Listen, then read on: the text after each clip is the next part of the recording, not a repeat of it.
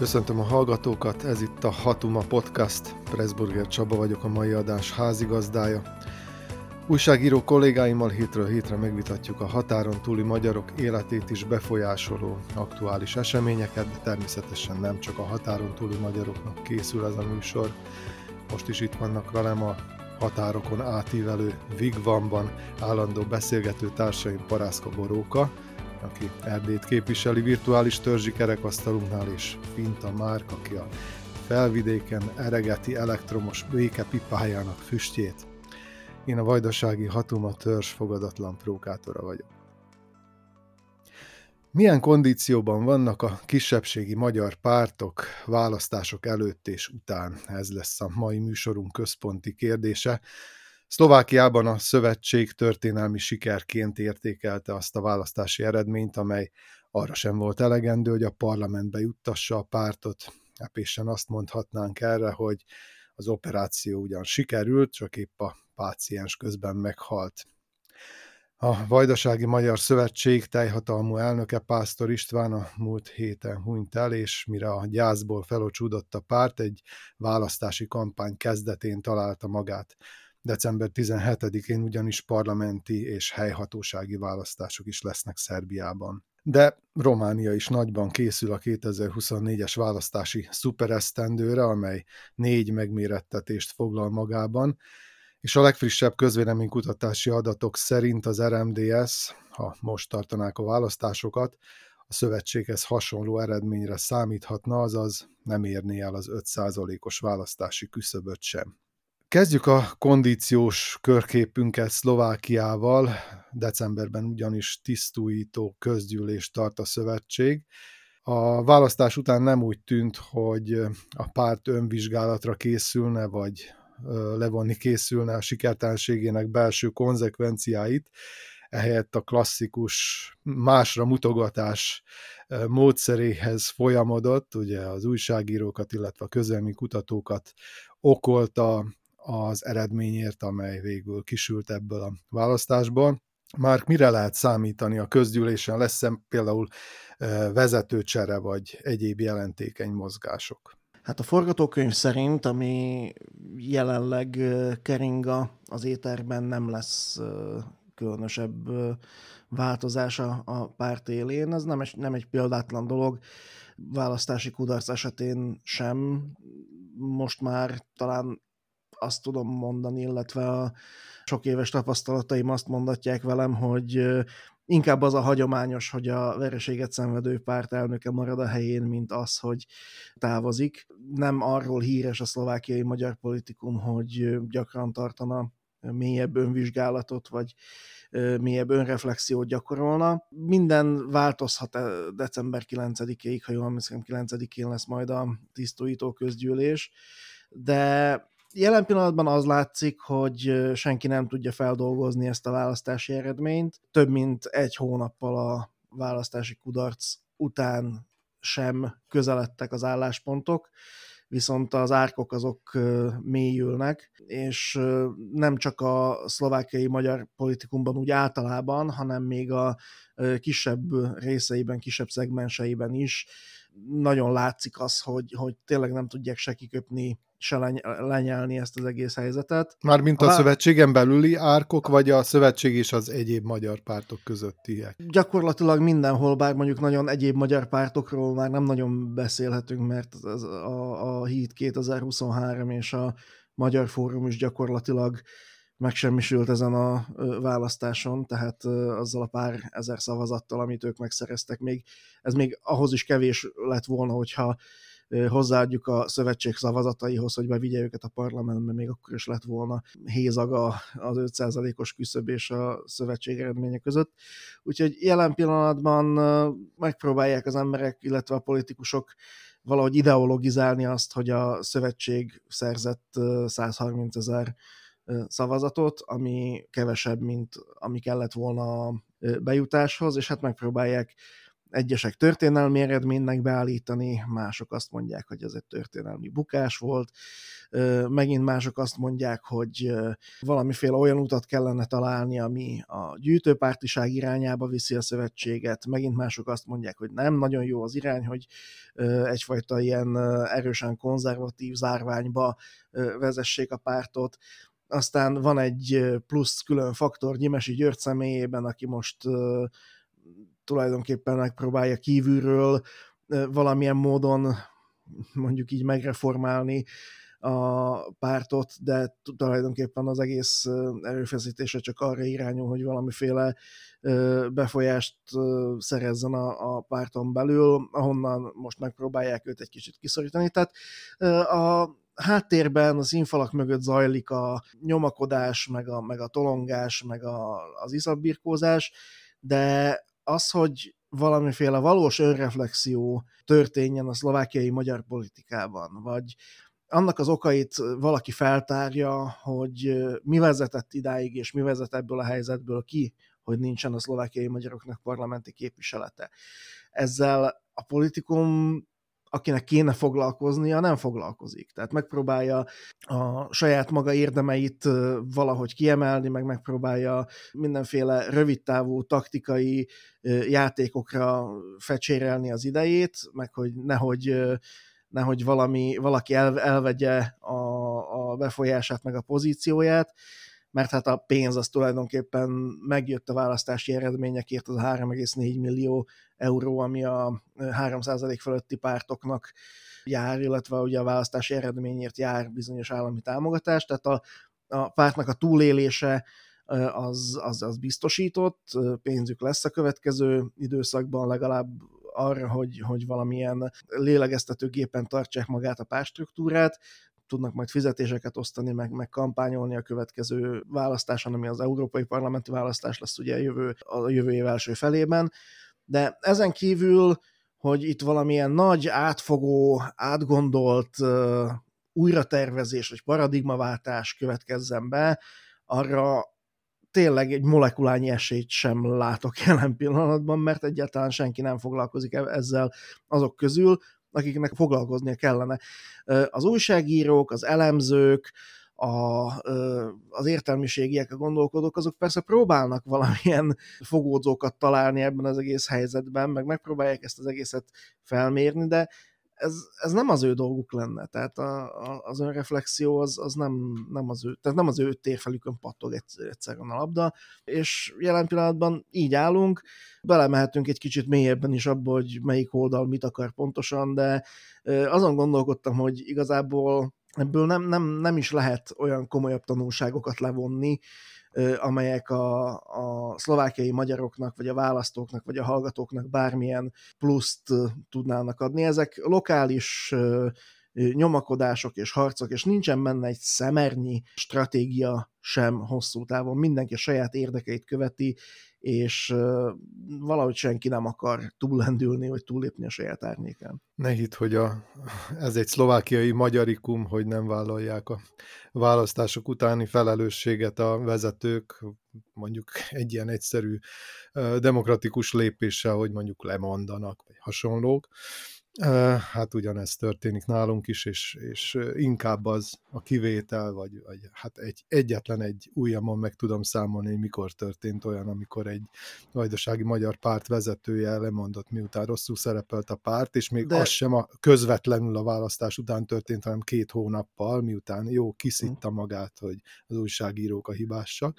De tudod, Csaba, nem is az a probléma, azt gondolom, hogy most akkor lemondjon valaki, vagy nem, hanem aki a helyén marad, az próbáljon valamilyen stratégiát vagy víziót bemutatni, vagy legalább villancson meg valami olyasmit, ami egy kicsit is utal valamiféle önreflexióra, mert ez nem történik itt meg. Itt, itt semmi ilyesmi nem történik, és az, hogy tehát senkit se érdekel, hogyha egy politikus lemond, vagy, vagy, vagy nem mond le. Azzal nem oldja meg magát a helyzetet. Mert nem látszik az, hogy ki jönne helyette. És aki helyette jönne, az is nagyjából ugyanazzal jönne, mint az a politikus, aki lemondott, és nagyjából ugyanoda vezetni ezt az egész tákolmányt, amerre az elődje vezette. Tehát itt nem, nem látszik az, hogy mondjuk egy generációváltásban, vagy egy, vagy egy elnökváltásban, vagy egy elnökségváltásban lenne olyan potenciál, ami aztán majd előre vinni ezt az egészet. Semmi ilyesmi nincs, annyi van, hogy igazából ez csak egy ilyen személycsere a meccs végén, és, és, és egyáltalán semmi értelme sincs nincs olyan hang, ami megszólalna ebben az egész történetben. Nálunk is egy kényszerszülte helyzet az, ami most kialakult, ugye Pásztor István halálával, hiszen kénytelen kelletlen a párt most új elnököt fog választani, és, és azt nem mondom, hogy új irányvonalat is vesz, egyáltalán nem gondolom, hogy, hogy ilyesmire sor kerül, vagy sor kerülhetne. Mindenesetre most miután Pásztor István meghalt, Pásztor Bálint vette át ideiglenesen, tehát a fia vette át ideiglenesen a, a párt irányítását, aminek persze van egy fajta ilyen rossz íze, hogy most ilyen dinasztiát építünk, meg nagyon sokan maliciózus módon úgy is csúfolják a VMS-t, hogy Pásztor és fia KFT, vagy csúfolták korábban. Minden esetre tényleg nem látszik a VMS-ben nála jelen pillanatban fölkészültebb politikus, aki, aki egy ilyen mondjuk ki válsághelyzetben irányíthatna a pártot, és, és válsághelyzet olyan szempontból is, hogy nagyon-nagyon rövid ideje van a pártnak arra, hogy egy újra struktúrált módon elinduljon a december 17-i választáson, ami jelen pillanatban úgy néz ki, hogy nem csak köztársasági választás lesz, hanem tartományi, tehát vajdasági szintű választás, ami nyilván a VMS-nek, mint egy vajdasági regionális pártnak különösen fontos. Helyhatósági választás is lesz bizonyos, bizonyos önkormányzatokban, de azt gondolom, hogy ez, ez, vagy legalábbis egyelőre úgy néz ki, ez még változhat, hogy ez a magyar önkormányzatokat nem fogja érinteni. Nagyon sok a találgatás azzal kapcsolatban, hogy ugye választások után majd tart valamilyen közgyűlést a párt, tisztújításra kerül sor, illetve hát magát az elnököt is megválasztják, kik jöhetnek számításba, és hát mondom, irányvonal, váltás, változás nem valószínű, az viszont, hogy, hogy generációváltásra kerül sor, az szinte borítékolható, tehát ha egyáltalán generációváltásnak nevezhetjük azt, hogyha 40-esek jönnek, és nem még náluknál is fiatalabbak. Három személy az, aki, aki valamilyen módon körvonalazódik. Az egyik Pásztor Bálint, aki, aki tényleg régi motoros a pártban, és aki parlamenti képviselő már több mint 15 éve, majd 20 éve. A másik, aki egy régi harcos társa Pásztor Bálintnak a parlamentben Kovács Elvira, aki úgymond a VMS-nek az európai arca, tehát ő az, aki a, az európai integrációval foglalkozik elsősorban, illetve az Európa tanácsban képviseli egy delegáció élén a Szerbiát, és ott van Juhász Bálint, aki viszont a Magyarországról jövő gazdaságfejlesztési támogatások kapcsán lett ismert, ő a Prosperitáti Alapítványnak a vezetője, és hát ezen az alapítványon keresztül osztották székt azt a mintegy negyed milliárd eurónyi összeget, amit pályázatok útján kaptak meg különböző pályázók vajdaságból. Na szóval ők hárman látszanak a legesélyesebbnek erre a, erre a pozícióra. Nyilván itt vannak külső tényezők, amelyek befolyásolhatják ezt, ki az, akit Budapest támogat, ki az, akit Belgrád szeretne, úgyhogy itt nem biztos, hogy, hogy teljes mértékben majd a, a belső demokratikus küzdelem fogja eldönteni azt, hogy végül kikerül a párt élére, de hát még mi ezt megelőzi nyilván a választás, amelyre, hogy mennyire van fölkészülve a VMS, nagyon jó kérdés, még nagyon az elején vagyunk a dolognak. Az első lépést, az első futamot, az sikerrel hozta a VMS, ezt már évek óta nagy sikerrel hozza, ez pedig a, a listaállításhoz szükséges aláírások összegyűjtése. A kisebbségi pártok esetében 5000 aláírásra van szükség ahhoz, hogy egy párt, egy kisebbségi párt listát állíthasson a választáson. A többségieknél ez 10.000 aláírás. A VMS egy nap alatt több mint 10.000 aláírást összeszedett. Tehát vannak olyan önműködő mechanizmusok, hogy úgy mondjam, amelyek egy vasmarokkal tartott, egy pártelnök által vasmarokkal tartott pártnál is működnek, még akkor is, hogyha már a pártelnök nincs ott, és nincs, aki irányítsa ezt a folyamatot úgy, ahogy ezt Pásztor István irányította. Úgyhogy kíváncsian várom azt, hogy mi lesz magának a kampánynak a témája. Ami látszik az az, hogy biztosan építeni fognak Pásztor Istvánra, illetve erre a személyi kultuszra, amiről már a múltkori műsorunkban is beszéltem magának a listának az elnevezésében is szerepel az, hogy elnökünkért, közösségünkért, jövőnkért, úgyhogy azt gondolom, hogy ezek lesznek a ilyen általános témák. De hát, hogy mi lesz a választás után, az viszont nyilván sokban függ attól, hogy mennyi szavazatot sikerül a pártnak összegyűjtenie. Akár ez muníciót adhat a Pásztor Bálint ellenfeleinek is ahhoz, hogy esetleg magukat, mint konkurenciát feltüntessék a kongresszuson, és esetleg induljanak vele szemben is. Bár ilyen már nagyon régen történt, vagy az is lehet, hogy talán soha, hogyha jobban visszagondolok, hogy két elnök jelölt lett volna ugyanarra a pozícióra, általában itt háttéralkukkal történnek a dolgok, és, és lesz valamiféle megegyezés. Na de túl sokat beszélek, térjünk rá a romániai helyzetre, hogyan tekint az RMDS arra, hogy hát a vonal alá mérték, illetve hogy úgy néz ki, hogy ha most lennének a választások, akkor nem is kerülne be a parlamentbe, volt-e erre vonatkozó reakció? Erre csak feltételezéseim vannak, mert különösebb reakció nem volt, viszont a gyakorlat az, hogy amikor ilyen hír jelenik meg, akkor az RMDS-en eluralkodik az bizakodás és az optimizmus, nem mondva, ugyanis az összes választást az ezredforduló óta úgy nyerte meg az RMDS, hogy mindig ott lebegett ez a lehetőség, hogy nem jut be a parlamentbe, és ez hihetetlen mozgósító erővel bír vagy nem éri el a küszöböt. És mindig az utolsó 24 órában megfordulnak a dolgok, és az is mobilizálódik, aki éveken át szisztematikus kritikusa a szervezetnek, úgyhogy hogy e, nem, nem ez a sokat mondó, ez csak annyi, arról árulkodik, hogy itt a választási taktika hasonló lesz, vagy lehet, mint amit eddig láttunk, pánikra hajazás, könyörgés, ijesztegetés és a célszalag váratlan átszakítása.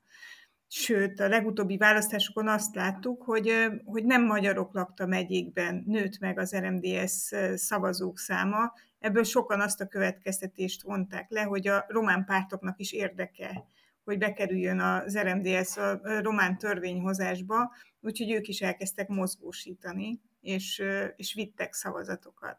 Most az a nagy kérdés, hogy most érdeke lesz-e a román pártoknak, hogy legyen egy RMDS a parlamentbe, és ha igen, akkor mennyire legyen az az RMDS erős. Azt látjuk, hogy például a kormányzó nemzeti liberális párton belül hihetetlen nagy feszültségek és konfliktusok vannak, ugye ez a Klaus Johannis féle párt, tehát a román köz, jobb közép kezd meginogni, a úgynevezett szociáldemokraták nyakába ott lihegnek a szélső jobboldaliak, úgyhogy most a román politika rendkívül el van foglalva magával. Mindenki nagyon fél attól, hogy jön egy populista fordulat Romániában. Elszlovákiasodunk, vagy el Magyarországiasodunk. Ez, ez, ez egy releváns félelem, és a kérdés az, hogy ebben az RMDS mit tud játszani, tudván tudva, hogy stratégiai partnere és szövetségese a Fidesznek és ezzel, ebből a státuszból milyen uh, szimpátiát, együttműködést tud kiváltani a román pártokból. Ez a pártközi viszony. A párton belül pedig az a helyzet, hogy az elmúlt években a Fidesz, illetve a Fidesz kormány által Erdélybe juttatott pénzek fölött rendelkezett ez a szervezet, és a szervezeten belüli viszonyokat is ezek a források határozták meg. Igen ám, de a csapokat, mint ahogy ebben a műsorban már többször ezt végigvettük, az utóbbi hónapokban elzárták, nincs ilyen forrás. Nincs kohéziós erő az RMDSZ-en belül sem, Kelemen Hunor ö, nagy ö, truvája, hogy a Markó Éla után megszelidítette, és az RMDS felé fordította Orbán Viktort, ma már nem ér annyit, mint mondjuk ért egy évvel vagy két évvel ezelőtt. Nagyon nagy a széthúzás a székelyföldi megyék ö, és a nem több magyarok által lakta a megyék között. Nagyon erős belharcok vannak Hargita és Kovászna megyében, ugye ezek a többmagyarok lakta térségek, és nem lehet látni, hogy ezeknek a belharcoknak mi lesz a vége. ami tény, hogy, hogy a Kelemen Hunor pozícióját nem nagyon veszélyezteti senki, mert mert senki nem olyan hülye, bocsánattal legyen mondva, hogy egy ilyen válságokkal, belső válságokkal küzdő szervezetet a nyakában vegye. A Kelemen Hunor nagy erénye még mindig, hogy egyben tudta tartani ezt a társaságot, és, és valamiféle kompromisszumot ki tudott kényszeríteni belőlük. Ennek ára a háttéralkuk, a nagyon-nagyon gondosan elosztott pozíciók, önkormányzati, megyei önkormányzati pozíciók, tehát egy ilyen, egy ilyen nagyon pontos mérlegen tartott kifizető rendszer és kifizető hely az RMDS, ezt pedig azért eddig jól kalkulálta a Kelemen Hunor, és szerintem az összes energiája az RMDS-nek arra megy rá, hogy ezeket a pozíciókat megtartsa, akár kormányomban, akár nem.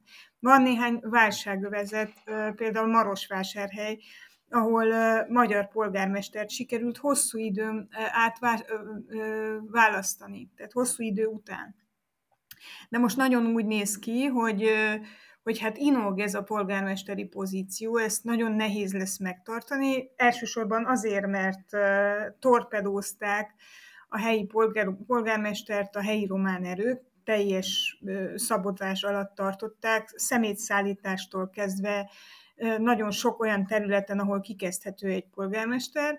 Másrészt azt lehet látni, és ez nagyon riasztó az RMDS politikájával kapcsolatban, hogy az RMDS sem állt mellé, vagy ha nagyon akarok, szigorúan akarok fogalmazni, akkor az RMDS is szabotálta. Nem egységesen a szervezet, hanem Kelemen Hunor a jelek szerint ö, úgy döntött, hogy Sós Zoltán nem elég karakteres politikus ahhoz, hogy ő maga személyesen elé álljon, és bedobta a lovak közé a gyeplőt, hogy legyen az erősebbé a következő pozíció. Nagyon durva személyes harcokat lehet a helyszínen látni, magyar-magyar konfliktusokat, és ennek vagy az lesz az eredménye, hogy teljesen elveszítjük a, a polgármesteri pozíciót, vagy elveszíti az RMDS, a magyar közösségre, értettem a többes számot, vagy az, hogy, hogy az erősebb, ö, agresszívebben nyomuló szereplővé lesz a, a polgármesteri tisztség, vagy jelölés ö, tehát őt jelölik polgármesternek, ami nem feltétlenül jelent ö, ö, szakmai garanciát, és megint ott fogunk állni, hogy egy vezető, vezetői kompetenciák hiány, de politikai játszmákban jól taktikázó ember kerül egy olyan posztra, ahol bizonyítani kéne, hogy a, a magyar politikusok a román adminisztrációt a kezükben tudják tartani. Szóval egy ilyen pénzelosztási fegyelemmel maszkolt káosz van az RMDS szembelül, nagyon erős személyi konfliktusokkal, és nulla közösségi stratégiával. Tehát erről én nem hallok beszélni, vitázni, még csak fel se tenni kérdéseket, hogy itt merre, merre menne a közösségi érdekképviselet. Tehát ezek a, ezek a személyi konfliktusok, amikről beszélsz, ezek a kulisszák mögött zajlanak, vagy, vagy, vagy ezek azért a nyilvánosságra is kerülnek, és valamilyen vita formájában Nem, hát nincs ahol, nincs ahol. Egyébként nyilván, mivel, hogy nincs sajtó, erdélyi magyar sajtó, vagy nagyon kevés, de ezek, ezek uh, ilyen, ilyen párton belüli helyezkedések és könyöklések, és uh, ilyen üzengetések, félnyilvános üzengetések, tehát annyira erősek, hogy érzékelje a közösség, hogy például Sós Zoltán mögött nincs támogatás, vagy nagyon gyenge a támogatás, de annyira nem jól fogalma, fogalmazottak, és nem kontúráltak, hogy, hogy ebből egy társadalmi párbeszéd legyen. Uh-huh. Hát igen, és ez, ez, ez még csak az egyik oldala, vagy az egyik fele az éremnek, a másik az pedig a kisebbségi pártoknak a Fideszhez való, hát nem is azt mondom közelsége, hanem tulajdonképpen a fidesz való egyesülése gyakorlatilag. Egy olyan csapda helyzetet teremtett az, hogy a Fidesz ennyire közel vonzotta magához a kisebbségi pártokat, a VMS-t abszolút mértékben. Én úgy látom, hogy egyre inkább a szövetség is egy Fidesz fiók szervezetté válik, és, és hát az RMDS-ben is azt az ellenállást, azt a függetlenséget, ami nagyon sokáig látszott, és ami mellé próbált oda tenni valamit a Fidesz, és ez nem jött össze, ugye amikor tőkés támogatta például, most már úgy néz ki, hogy, hogy talán az RMDS is egyre közelebbi, hát hogyha nagyon durván akarok fogalmazni, akkor azt is mondhatnám, hogy egyre inkább vazalusi viszonyba kerülhet a Fidesz-szel, és én, én úgy gondolom, hogy, hogy ez, ez egy kettős csapda helyzet. Egyrészt azért, mert nem, tehát hogy a Fidesz kinézi magának a határon túl azokat a nemzeti pártokat, amelyekkel ő stratégiai partnerséget akar építeni.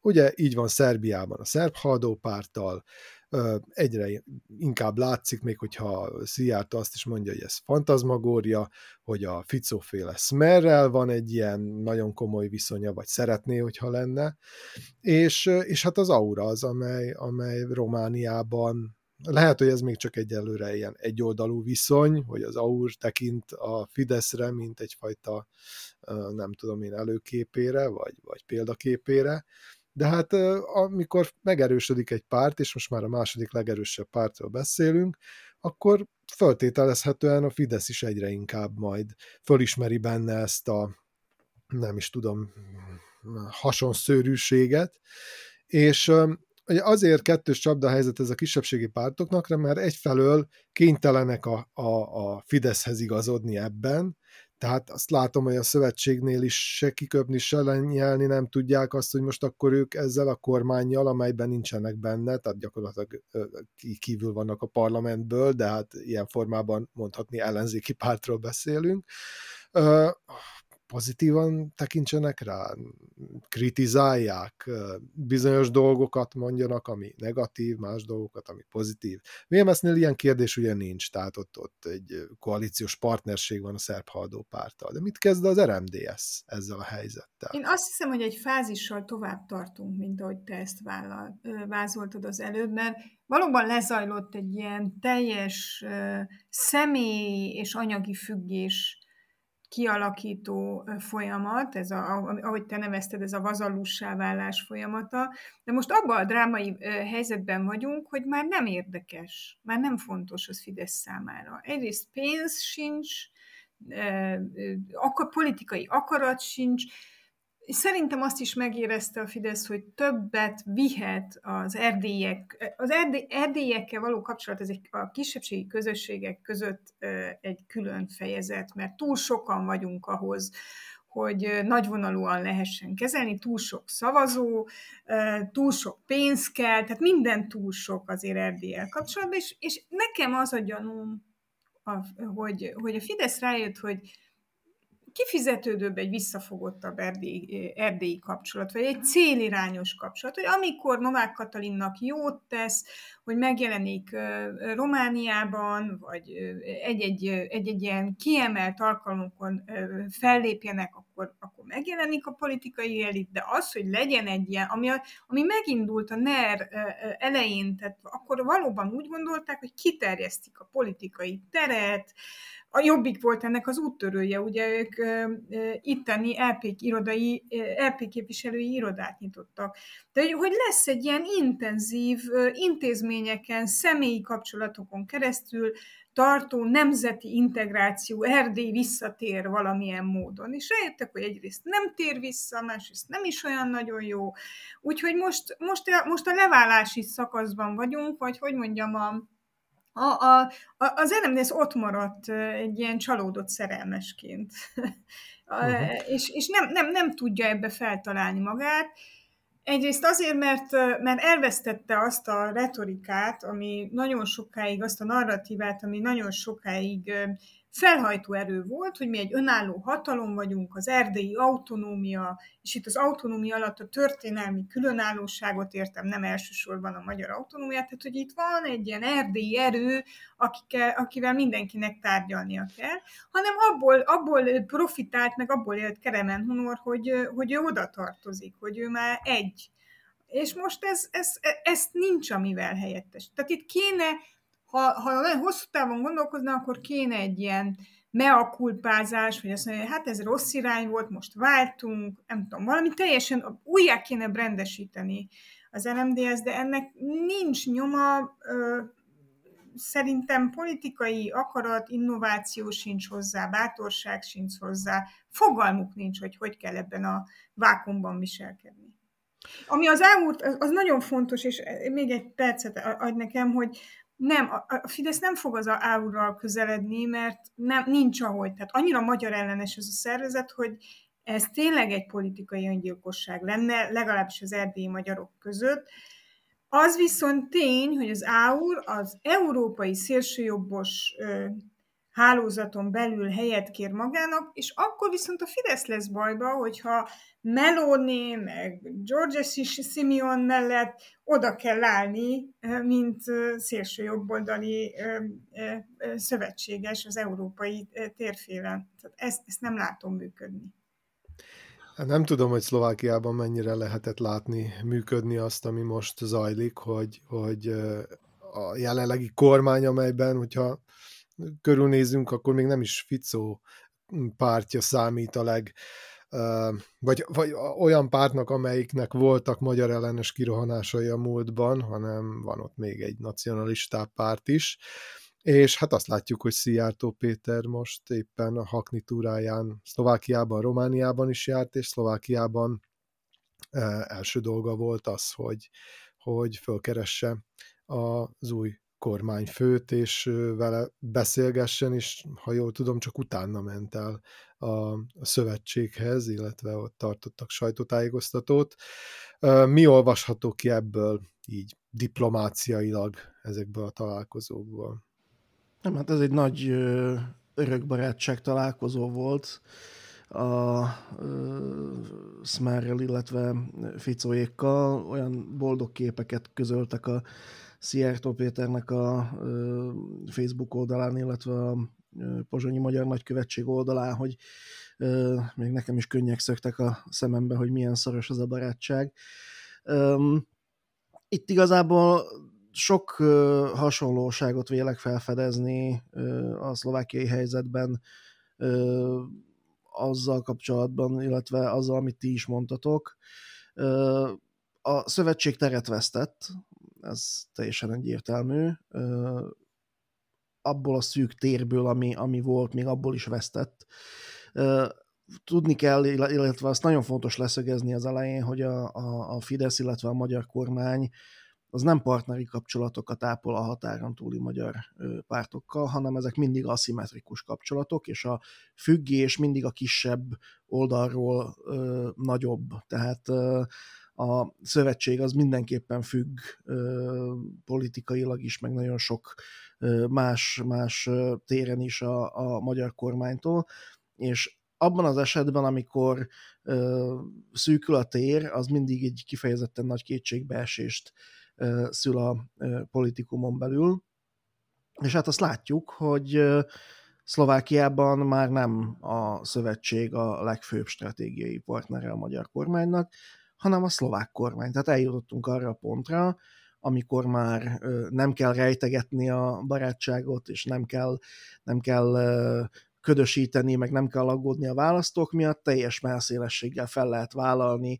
a régen nagyon explicite magyar ellenes Smerrel és explicite magyar ellenes SMS-szel a barátságot, mert hát ezek most éppen érdekeiknek megfelelően nem magyar ellenesek, viszont a, a nagy képet nézve, vagy az európai helyezkedést nézve most a legfontosabb barátok, illetve szövetségesek. A V4, V4-en belül szintén ugye a lengyel választások eredménye az jelen pillanatban azt mutatja, hogy Lengyelország a Fidesz szempontjából elesett, vagy el fog esni, ugye ott még mennek a belpolitikai kavarások, meg Moravéckit bízta meg a kormány alakítással Duda elnök, de valószínűleg ott, ott nem sok sót fog megenni a magyar kormányzat a, a, az agendájával a következő években. Úgyhogy most felértékelődött a Fico barátság, és hát Szijjártó Péternek a látogatása az ennek megfelelően zajlott, és nagyon szívélyes volt, és nagyon, nagyon barátságos volt, és hát ezek a, ez a két kormányzat, illetve Fico és Orbán az elmúlt évtizedben bizonyították, hogy ők rendkívül jól megértik egymást, rendkívül jó kapcsolatot tudnak kialakítani, és ehhez nincs szükség szlovákiai magyar pártra sem, ők ezt a saját csatornáikon keresztül nagyon eredményesen meg tudják oldani. És most már nem kell aggódni a szavazók miatt sem, akik a régi sérelmek miatt meglehetősen utálták a Smart, pont azért, mert a kondicionálásuk az elmúlt időszakban elindult, és hát egyrészt már nagyon sok szlovákiai magyar szavaz a Smerre, ami korábban meglehetősen elképzelhetetlen volt. Másrészt pedig nagyon sokan kívülről is támogatják ezt a szövetséget, megfeledkezve arról, hogy az elmúlt években azért mi elég csúnyán megszenvedtük szlovákiai magyarként is a, a Smernek a ténykedését, vagy az elmúlt évtizedben.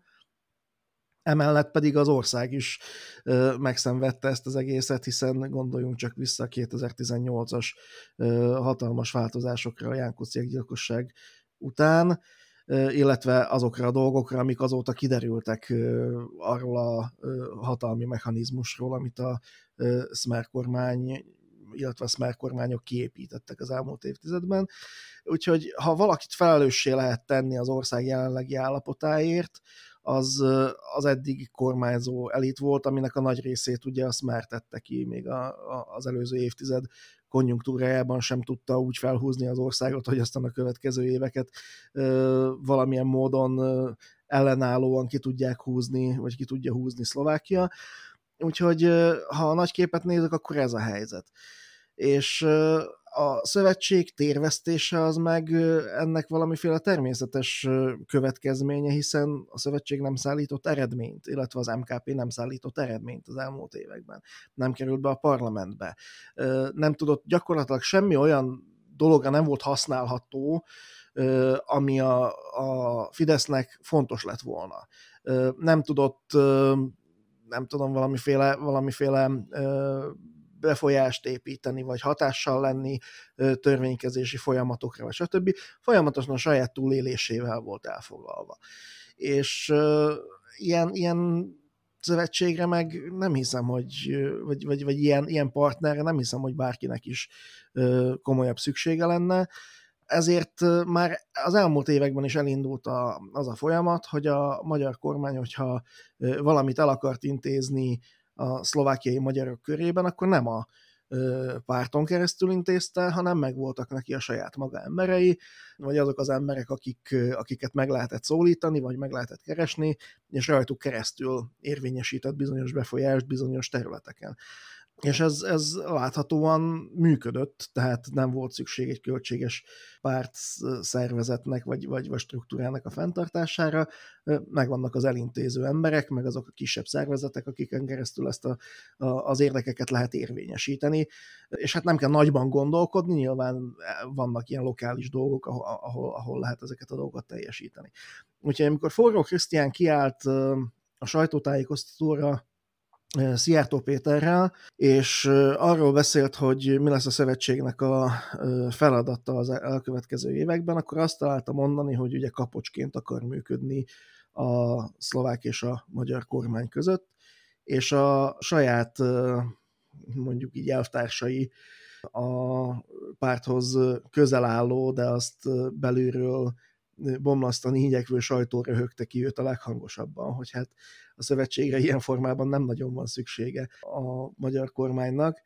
Ez a gyimeséhez közeli sajtónak nevezendő valami volt, ami kinevette őt, és hát bizony ebben a, ebben a gondolatban volt is valami, mert ilyen szempontból akár gyimesi egyszemélyes intézményként is lehet stratégiai partner, hiszen bizonyos politikai kapcsolataink keresztül jobb viszonyt ápol a jelenlegi szlovák kormányjal, mint a szövetség, amely a DNS-e szerint el kell, hogy valamilyen módon utasítsa a smart illetve ezt a, ezt a társaságot.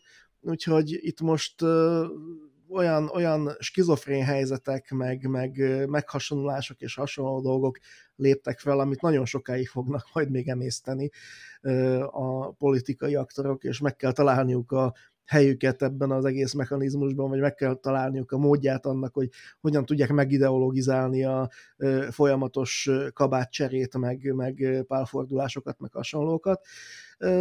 Én sok sikert kívánok nekik, hogy ezt megtalálják. Nagyon kíváncsian fogom figyelni, hogy, hogy, hogy milyen kommunikációs trükköket fognak bevetni, de nem számítok semmi különösebben fifikásra, tekintve azt, hogy a választási vereséget is megpróbálták a közvéleménykutatókra, meg a sajtókra, sajtóra és végső soron a saját választóikra kenni, tehát ilyen szempontból nem, nem gondolom azt, hogy valamilyen szofisztikált kommunikációs csavarral fognak majd élni. Igen, a köz, közvetítő szerepe a kisebbségi pártoknak egyre inkább kopni látszik. Szlovákiában is, Vajdaságban úgy szintén.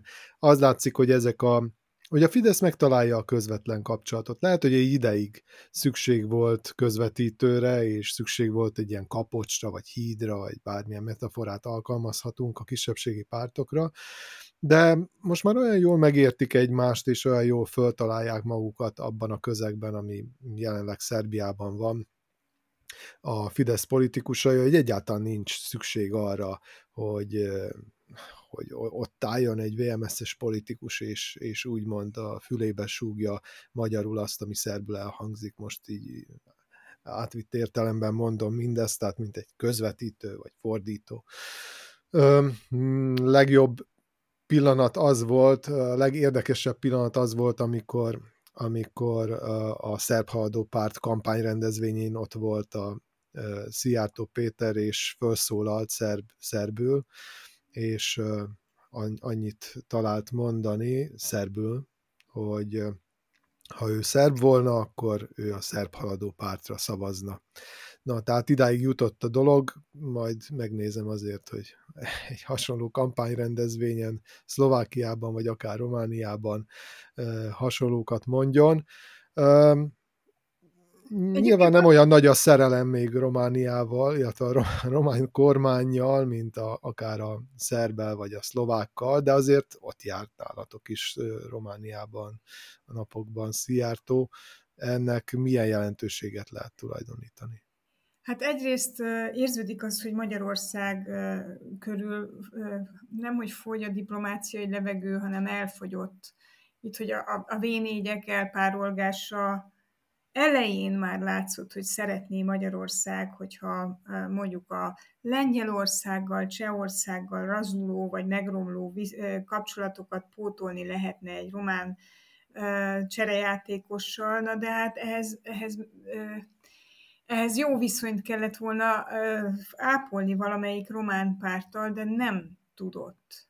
Nem, egyszerűen nincs partnere. Egyrészt a román pártok európai elköteleződése miatt, az Amerikával ápolt kapcsolata miatt, másrészt azért, mert az RMDS-nek, illetve hát a Fidesznek nagyon fontos volt, hogy az RMDS-t ki operálja a román kormányból. Ezt többször végignéztük ezt a folyamatot, hogy hogy édesgeti, zsarolja ki a kormányból az RMDS-t, a Fideszt, és ez azért volt jó, mert így a függés, az előbb említett vazalusi viszony annál erősebb volt, minél kevesebb román kormányzati forráshoz jutott hozzá az RMDS, és minél kevés, kevesebb szer kényszerült arra, hogy a Fidesz ellen bármiféle gesztus tegyen európai fórumokon a román kormánykoalíció tagjaként. Tehát nincs olyan párt a román politikai életben, aki mellé a Fidesz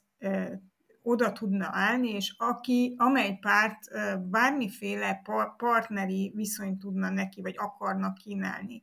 A magyar ellenzéki pártok az elmúlt években ilyen téren elég jól nyüzsögtek. Hát a, a, a Mencsétek meg Romániát pártszövetséggel sikerült valamiféle hát közös pillanat, momentumokat találni a Momentumnak, tehát ott még van valami nyitott tér, nem mint hogyha mondjuk most a Mencsétek meg Romániát jobb közét szervezett tényező volna a román politikai életben, vagy komolyan kéne vele számolni, de legalább volt egy aktor, akikkel le tudna ülni a magyar kormánypárt. Most a bukaresti látogatáson meg azt láttuk, hogy hogy szívvel, lélekkel kampányol az RMDS mellett, váratlan fordulattal a szavak szintjén legalábbis Szijjártó Péter hangsúlyozza a román-magyar kapcsolatok fontosságát, a Schengeni csatlakozás fontosságát. Ugye az sokszor vissza, visszautasított Románia számára ez a Schengeni kapcsolat, csatlakozás megint égető kérdésé vált de, de ennél több, néhány nagyon barátságos nyilatkozaton kívül nem történt. Magyarország pedig az energiafolyósó miatt is, a gazdasági kapcsolatok miatt is egyre inkább ráutalt Romániára, úgyhogy most van egy ilyen barátkozási szándék, van adjon Isten, csak nincs fogadj Isten egyelőre Romániában. Uh-huh. Akkor adódik így a, a kérdés, mindezek után, amikről beszéltünk, hogy mennyire elkoptak a mennyire elkopott a kisebbségi pártoknak ez a közvetítő szerepe, és hát azt látjuk, hogy egyre inkább teret veszítenek szavazatok számában is, illetve úgy is, hogy parlamentben nem kerülnek be, vagy ez a veszély fenyegeti őket esetleg. Mondhatunk-e olyat, ami, amit mondjuk Gyimesi György mondott közvetlenül a választások után, hogy az etnikai politizálásnak többé nincs létjogosultsága? Mennyire gondoljátok azt, hogy ez most csak egy hullámvölgy, vagy tényleg lefelé tartanak a, a lejtőn a kisebbségi pártok, és valóban a, az etnikai politizálás a végét járja? Én azt gondolom, hogy ez, ez a ez soha nem volt itt az ideje az etnikai politizálásnak, és minden kudarca az RMDS-nek, vagy minden látszólagos, rövid távú sikere és hosszú távú kudarca ebből fakad, de nem tudott az elmúlt 30 évben semmilyen más alternatívát, nem hogy kínálni, ki sem találni. Pedig lett volna rá módja, esélye, mert nagyon sok szaktárcát vett át az RMDS, olyan területeken politizált, amivel meg lehetett volna szólítani a román társadalmat is, amivel lehetett volna egy olyan társadalmi párbeszédet generálni, ami növeli a szavazótáborát, vagy nem, nem zárja etnikai gettóba a saját szavazóit, mozgósíthatott volna más tartalmakkal is, mint etnikai tartalmakkal, de nem próbálta meg, és az olyan önkormányzati választásokon, ami messze ö, nagyobb jelentőséggel bír, mint az, hogy ki lesz ö, Marosvásárhelyi kor, ö, polgármestere, most már azt ugye elképzelhetetlennek tartjuk, hogy a, azt mondjuk, hogy ki lesz Kolozsvár magyar polgármestere, mert erre egyszerűen nincs esély. De ezeknek a, ezeknek a választásoknak fontosság az, hogy, hogy bebizonyítsa a román lakosság számára, hogy egy magyar embernek is van szerepe, tudása, hozzáadott értéke a román társadalomban, hogy lehet vele együttműködni politikai szinten.